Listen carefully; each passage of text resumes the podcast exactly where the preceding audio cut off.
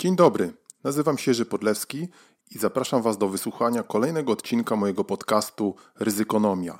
Więcej ryzykonomii, informacji o moich e-bookach, usługach doradczych i szkoleniowych znajdziecie na stronie www.ryzykonomia.pl.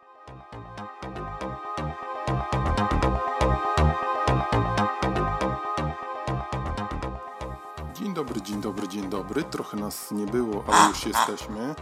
Ja i Świnka. Z pewną taką nieśmiałością zaczynamy, bo tak spojrzałem sobie na notatki. Ostatni, mm, ostatni podcast taki, no nawet czytałem tutaj różne moje teksty z Ryzykonomii, z portalu Ryzykonomia, to było 28 września, także z pewną nieśmiałością wracam do nagrywania, nawet się zastanawiałem, no ale to wiadomo, wiecie, no, ciągnie wilka do lasu, więc musiałem przewalczyć te wszystkie różne sprawy techniczne, wszystko mi się e, przewraca, trochę mi się e, ręce trzęsą, no ale no navigare necesse est, mówienie też jest konieczne, no i cóż zrobić.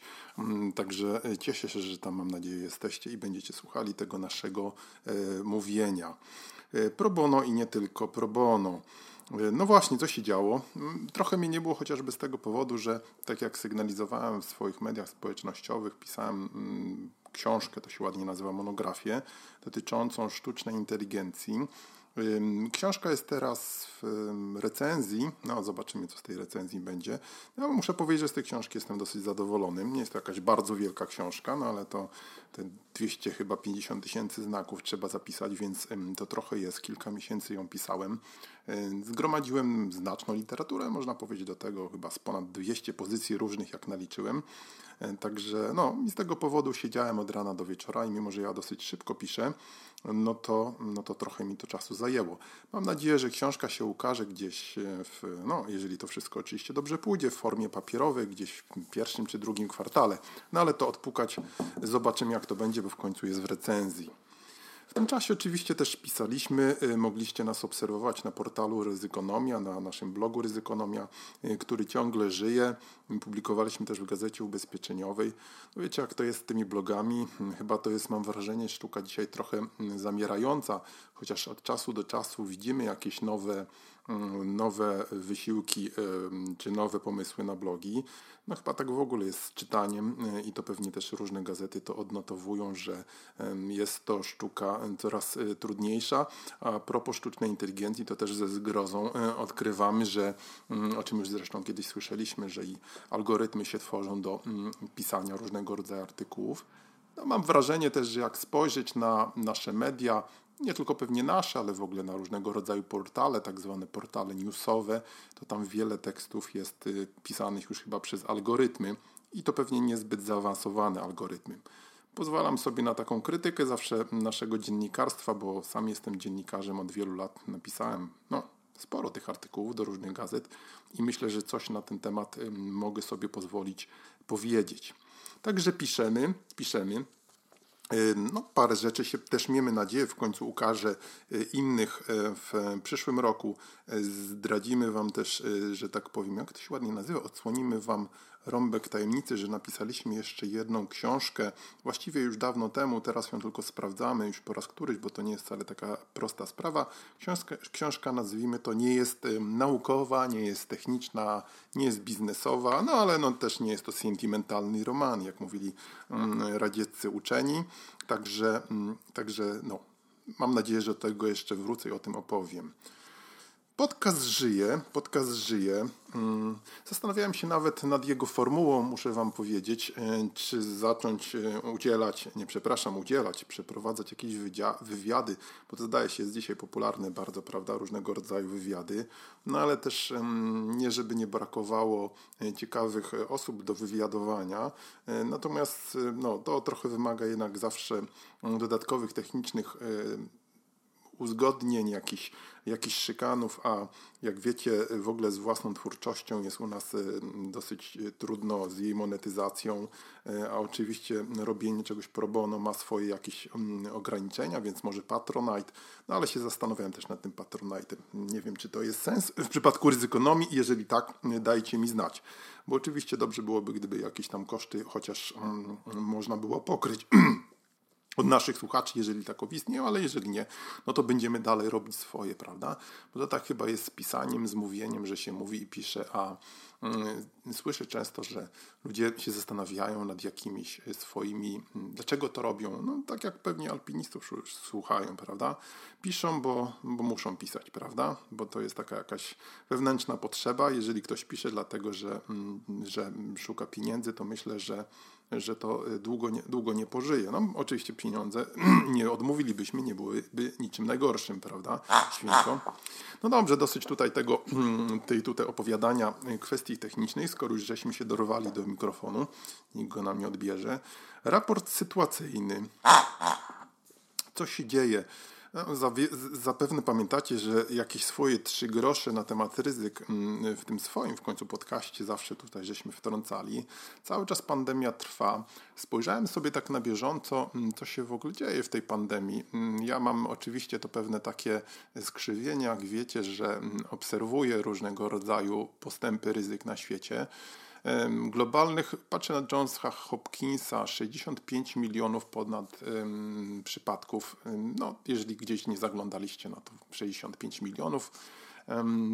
Ponad 1,5 miliona osób umarło.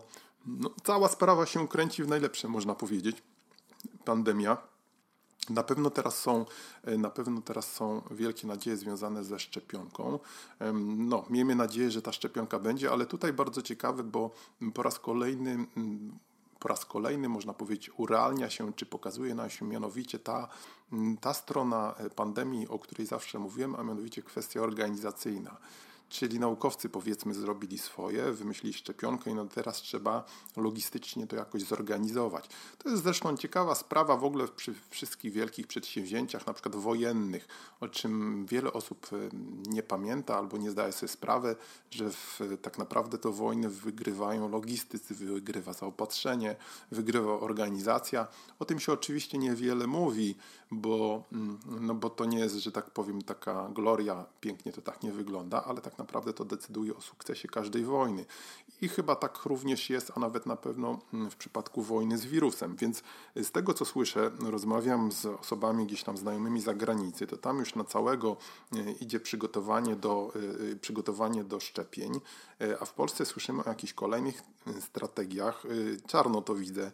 Czarno to widzę, mm, a przede wszystkim powiem Wam, że Przede wszystkim z tego powodu, że ja nie widzę tam ludzi, którzy byliby intelektualnie zdolni do, mm, do zaplanowania takiego, takiego skomplikowanego przedsięwzięcia. Oni są po prostu za głupi. No, to nie jest obraźliwe, to jest po prostu stwierdzenie faktu, więc pewnie jakoś te szczepienia będą trwały nie wiem ile czasu. Mam nadzieję, że mam nadzieję, że dożyjemy, prawda? Także no, przyzwyczailiśmy się do tej pandemii. Ja już muszę Wam powiedzieć, że nie zwracam uwagi już od dłuższego czasu, chyba że się naprawdę wkurzę e, gdzieś tam współobywatelom na temat nienoszenia maseczek. No, już ta dyskusja trochę dzięki Bogu mm, padła, mm, no bo dokąd ona prowadzi. Natomiast myślę, że teraz się wybuchnie na nowo dyskusja dotycząca właśnie szczepionek i ewentualnego czypowania, prawda? Ludzi czy jakiegoś tam mm, zagrożeń, zagrożeń wolności. Ciekawe jest to, że najgłośniej o tych zagrożeniach wolności mówią ludzie, którzy są wrogami wolności, wrogami demokracji, no ale z drugiej strony przecież to też nie jest nic nowego. Od ostatnich, y, od ostatnich y, naszych tutaj y, spotkań, od naszego ostatnich nagrań, wiele, wiele rzeczy w kraju się też działo, chociażby strajk kobiet, który my tutaj ręcyma i nogyma popieramy. E, bardzo się cieszymy. No tak, panowie, chyba jest, że nadszedł zmierzch, zmierzch czasów mężczyzn i nastały czasy kobiet. E, mówię to z pewnym, e, z pewnym smutkiem. No ale dobrze, dale, no, dobrze. Ja muszę powiedzieć, że ja mm, nie będę tutaj swojego zdania na temat, na temat istoty, mm, istoty żądań strajku kobiet można powiedzieć, wymieniał, czy o tym mówił, no bo wydaje mi się właśnie, no, ja się nauczyłem tego, że nie chciałbym ludziom kazać robić tego czy, czy, czy, innego. Natomiast oczywiście właśnie no, to jest też istotą chyba tego protestu, prawda? E, czyli wolny wybór. Każdy powinien mieć możliwość w granicach takich, w których nie, nie, nie szkodzi innym, nie szkodzi innym decydować. Ale oczywiście tu się pojawia zaraz, co szkodzi, a co nie szkodzi. Tak czy inaczej, wydaje mi się, że to też jest, mm, że to też jest ruch demokratyczny przede wszystkim i co mnie najbardziej cieszy, że wreszcie, wreszcie zaczęli w nim brać udział młodzi ludzie. Tak? Nie wiem, czy to nie jest za późno, e, ale dobrze, że, dobrze, że, dobrze, że teraz. Kolejna rzecz, która nam się tutaj e, chyba najbardziej straszna, prawda, z takich ryzyk szykuje, to jest ewidentny polexit. Nie wiem, czy pamiętacie, ale mm, ja o polexicie pisałem od 2015 roku, bo prawdopodobnie byłem jedną z nielicznych osób, które przeczytało projekt konstytucji mm, obecnie nam rządzącego reżimu. I ten projekt mnie e, przeraził. On później zresztą chyba gdzieś zniknął, już nie wiem, czy go można gdzieś znaleźć w internecie, chociaż podobno w internecie nic nie ginie, ale pomyślałem sobie, do czego to nas doprowadzi i gdzieś wydedukowałem, że właśnie nas doprowadzi do, e, do wyjścia z Unii Europejskiej, do polexitu, bo po prostu państwo o takim ustroju, który tam został zaproponowany w Unii Europejskiej nie może funkcjonować. Teraz nawiązuję do dyskusji, która się obecnie dzieje, bo jak wiemy, że zdaje się 9 chyba 10, tak, ma być unijny, unijny szczyt, gdzie będzie decyzja na temat, y, na temat weta do, do funduszu, do, do, przepraszam, do, do budżetu unijnego. Już nie wchodząc w szczegóły, w te podziały, to możecie sobie wyszukać w, w gazetach, ale na stole jest na pewno co najmniej w tym Relief Fund, zdaje się chyba około 50 miliardów euro y, w różnej, w różnej formie formule, bo zarówno kredytowej, jak i, jak i takiej czysto dotacyjnej. Natomiast ja sobie tak kombinuję i słucham, y, co mówią różni oficjele reżimu. Kombinuje również, że istotą przecież funkcjonowania takiego organizmu jak Unia Europejska jest państwo prawa i nie wyobrażam sobie, żeby takie państwa jak Holandia, czy Francja, czy Niemca, Niemcy, gdzie naprawdę wierzą w demokrację, to jest chyba rzecz często pomijana, no ale ktoś nie słucha polityków, nie, e, nie czyta, no to gdzieś sobie wyobraża, prawda, że wszystko jest ściemą, że nikt nie ma żadnych idei, że tylko rządzą pieniądze. Oczywiście rządzą pieniądze, wielu ludzi nie ma idei, ale wielu ludzi wierzy, tak jak ja na przykład, czy świnka, w różnego rodzaju mm, naiwne idee, na przykład w demokracji. I słuchałem wielokrotnie osób gdzieś tam ze szczytów Unii Europejskiej i oni wierzą w demokrację, w państwo prawa, w trójpodział władzy. Ja sobie teraz nie wyobrażam, że takie państwa jak Holandia, właśnie jeszcze raz powiem, czy Niemcy będą tutaj wysyłały, czy godziły się na, na, na, na podział y, funduszy, które pochodzą w znacznej części z podatków ich podatników dla kraju, gdzie po prostu y, no, nie szanuje się prawa, gdzie mm, E, gdzie po prostu, e, tak jak ktoś już wyliczał, chyba ponad tysiąc sędziów jest podany różnego rodzaju represjom. No, logicznie rzecz biorąc, to się nie klei. Tak? I nawet jeżeli jeden taki dureń, bo inaczej go nie, nie nazwę, nie, znowu nie wymienię nazwiska, prawda, żeby wiadomo dlaczego, ale jeden taki dureń, dzisiaj o nim, e, o nim czytałem, który wolno mówi i jest siwy, ale robił kilka reform, nigdy mu nic nie wyszło i on mówi o jakimś kompromisie. No, jak ten kompromis miałby wyglądać? To znaczy co, że mm, kiedy istotą E, istotą, tych ostatnich zapisów, tego co mm, e, tych postępowań Unii Europejskiej jest nie, niezależność, niezawisłość sędziów, więc co by miało się znaleźć w takim kompromisie, że, że na przykład co, że do, że rządy prawa są ważne, ale nie dotyczą pana sędziego o inicjale IT, prawda? Albo, albo pani sędzi o, e, o olimpia... O, no, mi się wychlapało. O, o inicjale OM, prawda? No właśnie, nie będę tego Olimpia wycinał, ale ktoś chce, to może sobie posłuchać. To jest bez sensu, tak? To jest bez sensu taki kompromis y, i mi się wydaje, że doszliśmy do ściany. Obym się mylił, obym się mylił, bo oczywiście optymizm y, naszego narodu był zawsze wielki i e, jak sięgnąć do historii, no to zawsze ten optymizm gdzieś nam się zresztą e, odbijał, odbijał bardzo mocno i to negatywnie. Mm, natomiast, y, no cóż, optymizm a realizm, no, gdzie nas taki optymizm prowadzi? Jakie są, jakie są przesłanki tego optymizmu? Tego nikt mi nie potrafi wyjaśnić. No pięknie jest być optymistą. Mam zresztą wrażenie, że optymiści to jest jakaś taka, taki rodzaj nawet sekty, bym powiedział, która traktuje innych z wyższością, e, o czymś wie, ale nie powie. Mm, no i właściwie na tym dyskusja się kończy, a osoby, które próbują dokonać jakiejś, jakiejś zimnej analizy są traktowane jako jako jacyś czarnowidze i, mm, no i w ogóle nie rozumiejący istoty, tajemnicy istnienia itd., tak itd. Tak Co oczywiście nas tutaj wiedzie do przemyśleń, które wielokrotnie tutaj prezentowaliśmy na temat zarządzania ryzykiem. To, no, to jest właśnie dlatego to zarządzanie ryzykiem u nas nie działa. I ja muszę powiedzieć, dlatego ja się zajmuję teraz różnymi innymi projektami. No, właśnie ostatnio bardzo mnie zaintrygowała kwestia sztucznej inteligencji. Nawiasem mówiąc, wielkie, wielka szansa i wielkie ryzyko i do tego na pewno będziemy wielokrotnie ze świnką, no my, ja będę wielokrotnie wielokrotnie e, wracał, bo to staje się moim zdaniem takim zupełnie nowym paradygmatem życia społecznego, życia gospodarczego, razem z ryzykiem oczywiście, razem z tym Ulricho Bekowskim Risk Society, które przecież, które przecież jest chyba ważne jak, ważne jak nigdy. Więc tak to z tym ryzykiem jest, że Mm, że osoby, które mówią o ryzyku, są traktowane w naszej kulturze organizacyjnej, szczególnie o ile na, można nazwać to kulturą. No wiecie, jak to z kulturą jest. Jak nie ma, to też jest kultura, prawda? Więc y, są traktowane, są traktowane takie osoby, które mówią o, o ryzyku jako, jako, optym, jako pesymiści, jako, jako czarnowidze, no i właściwie coś sobie tam mogą mówić i, i co z tego wynika. I stąd chyba w ogóle, no, a nawet na pewno słabość zarządzania ryzykiem u nas, która jest, y, zarządzanie ryzykiem jest u nas rachityczne, słabe, nie jest traktowane poważnie i nawet jak spotykam się oczywiście, no, widzę organizacje czy światłych ludzi, a gdzież ich nie ma, prawda?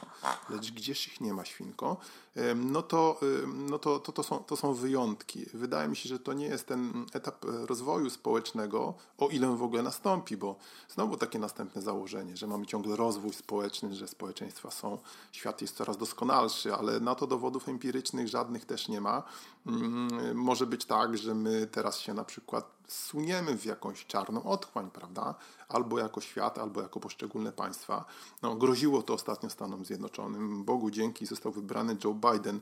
Abstrahując, kim ten gość jest, no to wydaje mi się, że wiele ludzi odetchnęło, że taka w miarę wyważona, spokojna Ameryka powraca do gry.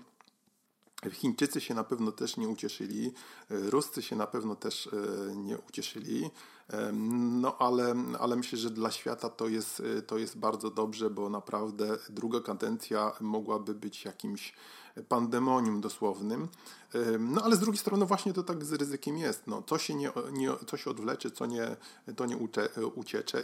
A z drugiej strony wierzcie mi, że ja e, bardzo się cieszę, jeżeli się okazuje, że, że poszło dobrze. Tak? No, wbrew pozorom, mimo że piszę blog i portal Ryzykonomia, to nie jestem aż tak szalonym człowiekiem, żeby się cieszyć, jeżeli coś pójdzie niedobrze. No, no ale naprawdę, jeżeli są ku temu wszelkie przesłanki, jeżeli widzimy, jeżeli widzimy, że coś dzieje się złego, no to, no to wtedy to wtedy naprawdę no, trudno, się jest, trudno się jest powstrzymać. Polecałem Wam też kiedyś taką e, książkę z Krutona dotyczącą właśnie pesymizmu i optymizmu. No tak, bo to chyba właśnie jest, że różnego rodzaju procesy, procedury, zarządzanie ryzykiem, e, lean management, e, cokolwiek, strategie zarządzania, to zawsze jest, e, tak dochodzę z wiekiem do, mm, do dochodzę do wniosku, że to zawsze jest pochodna jakichś takich bardzo fundamentalnych wartości, fundamentalnych sposobów widzenia świata, które są kształtowane gdzieś na bardzo takim podstawowym poziomie w szkole podstawowym, podstawowej, są kształtowane lekturami, którymi, które czytamy.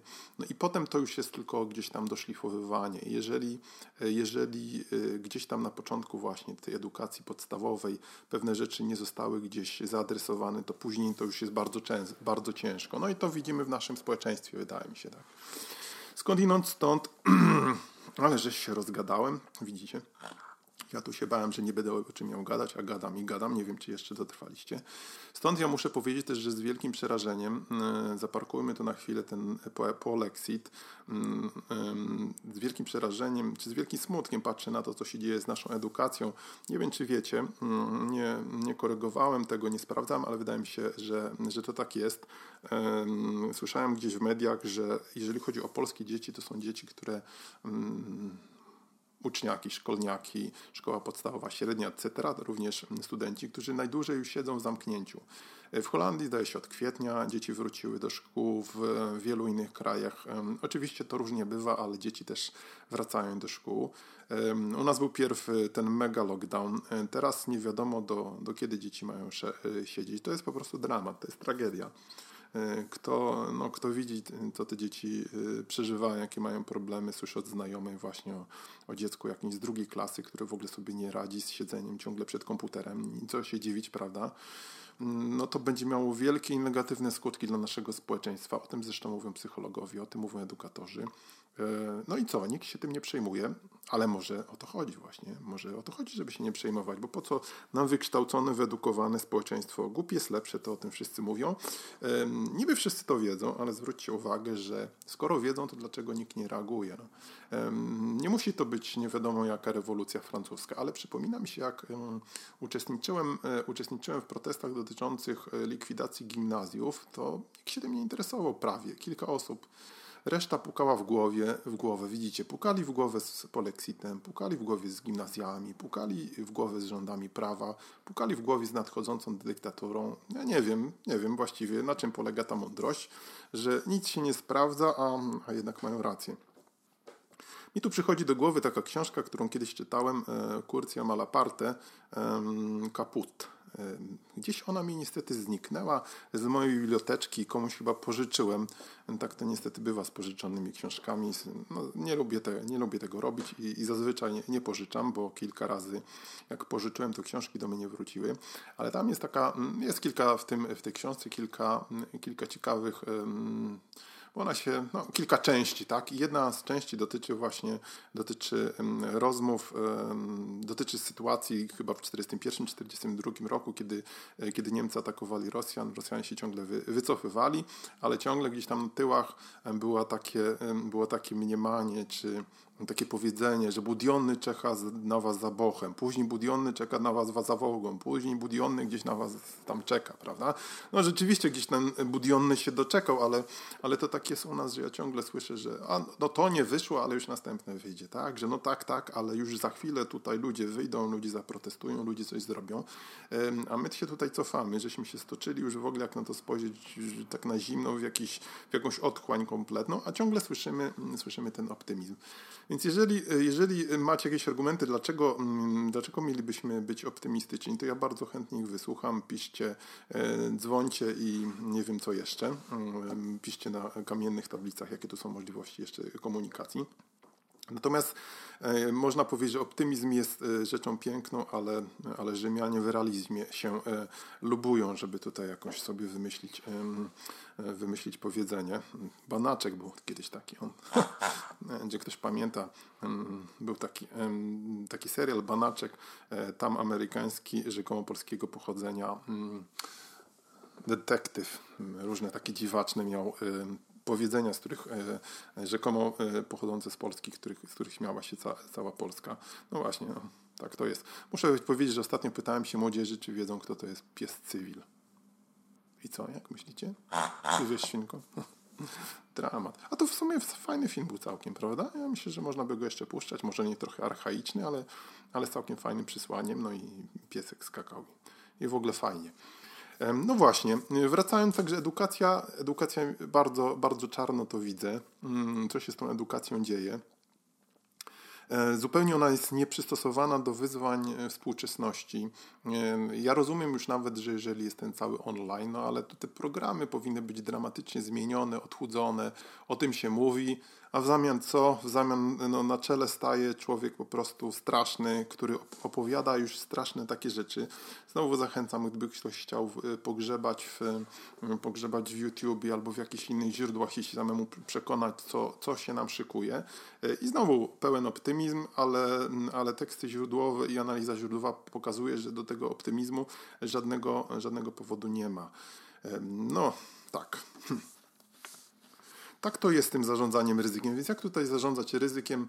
E, jeszcze z takich bieżących spraw muszę powiedzieć, e, już mi się też nie chce uczestniczyć w dyskusjach dotyczących whistleblowingu, whistleblowingu dotyczące e, sygnalistów, bo ciągle gdzieś tam czytam jakichś teoretyków, którzy namawiają innych do, do sygnalizowania. Nie chcę uczestniczyć już w tych dyskusjach, bo widzę zaraz jakąś taką obrazę, że ja w ogóle śmiem napisać, jak jest, prawda, z whistleblowingiem, że chyba tylko szaleniec w kraju, gdzie, e, gdzie, gdzie sędziowie są e, pociągani do, no, czy no już można powiedzieć, do odpowiedzialności za wydawane orzeczenia. Jakiś szaleniec mógłby na przykład whistleblowować na temat jakiejś e, państwowej spółki, a tych jest przecież cała masa, czy jakiegoś urzędu państwowego. No przecież to są żarty, ludzie po prostu. Ale jak coś człowiek napisze, to zaraz wielko obraza, bo my tutaj coś teoretycznie robimy. Powiem wam szczerze, że takie robienie zarządzania ryzykiem teoretycznie to jest dupy rozbić e, i lepiej nic nie robić naprawdę. Lepiej siedzieć cicho, tak? Ciszej nad tą trumną. Mm, ale zabawa trwa oczywiście, ja tutaj nic nie rozumiem, no więc może lepiej zająć się pisaniem jakichś tam różnych innych rzeczy. Tak jak powiedziałem, ja się zająłem. Y, no właśnie, y, także, a co w Polsce, jeżeli chodzi o epidemię? O, o, o. Co w Polsce, jeżeli epidemię? Y, my jesteśmy, mm, tak jak tutaj coraz częściej czytamy, jednym już stajemy się gdzieś tam naprawdę w G10 chyba yy, światowym, a na pewno gdzieś tam w G12 co najmniej, jeżeli chodzi niestety nie o rozwój, ale jeżeli chodzi o rozwój, rozwój pandemii. Ile tego jest, to chyba tak naprawdę, a nawet na pewno nikt nie wie. Dzisiaj widziałem gdzieś w mediach społecznościowych, ktoś zamieścił taką mapkę Europy z jakiejś szwedzkiej chyba, szwedzkich mediów, gdzie Polska właśnie są różnymi kolorami zaznaczone te postępy pandemii Polska w ogóle jest jakoś tak na szaro wykratkowana. I, i o ile ja zrozumiałem, bo szwedzki znam niestety e, słabo na, po, na poziomie, na jakim poziomie? Na żadnym poziomie niestety. School chyba, a ty nie, czy to jest po szwedzku, ale może, może jakoś po skandynawsku albo po, wiking, po wikingsku, wikingsku, wikingsku, wikingsku. No i tam, o ile rozumiem, to, mm, to przepraszam cię, y, o ile rozumiem, to, mm, y, to mm, Polska jest zaznaczona na szaro, dlatego że ta, to medium, ta gazeta uważa, że dane są niewiarygodne z Polski. Rzeczywiście, jak spojrzeć nawet na wykres, no to tam jakieś cuda się dzieje. Raz jest 5 tysięcy, później jest 18 tysięcy. Ja nie jestem epidemiologiem, no ale jakaś dynamika, jakieś modele matematyczne też były, były tworzone. No to jest absurdalne, prawda? I teraz tłumaczenie, że ktoś, że jakiegoś dnia nie ma nie ma akurat przeprowadzanych testów. No właśnie, no właśnie o to chodzi. Wszyscy o tym mówią, y, ale mimo wszystko to jest gdzieś tam traktowane per, noga. No ale to tak jest chyba z mediami, prawda, że, że te mass media, y, szczególnie jeżeli one są kontrolowane przez, y, przez jakieś Ministerstwo Prawdy, to są w stanie ludziom wcisnąć dosłownie chyba każdą rzecz.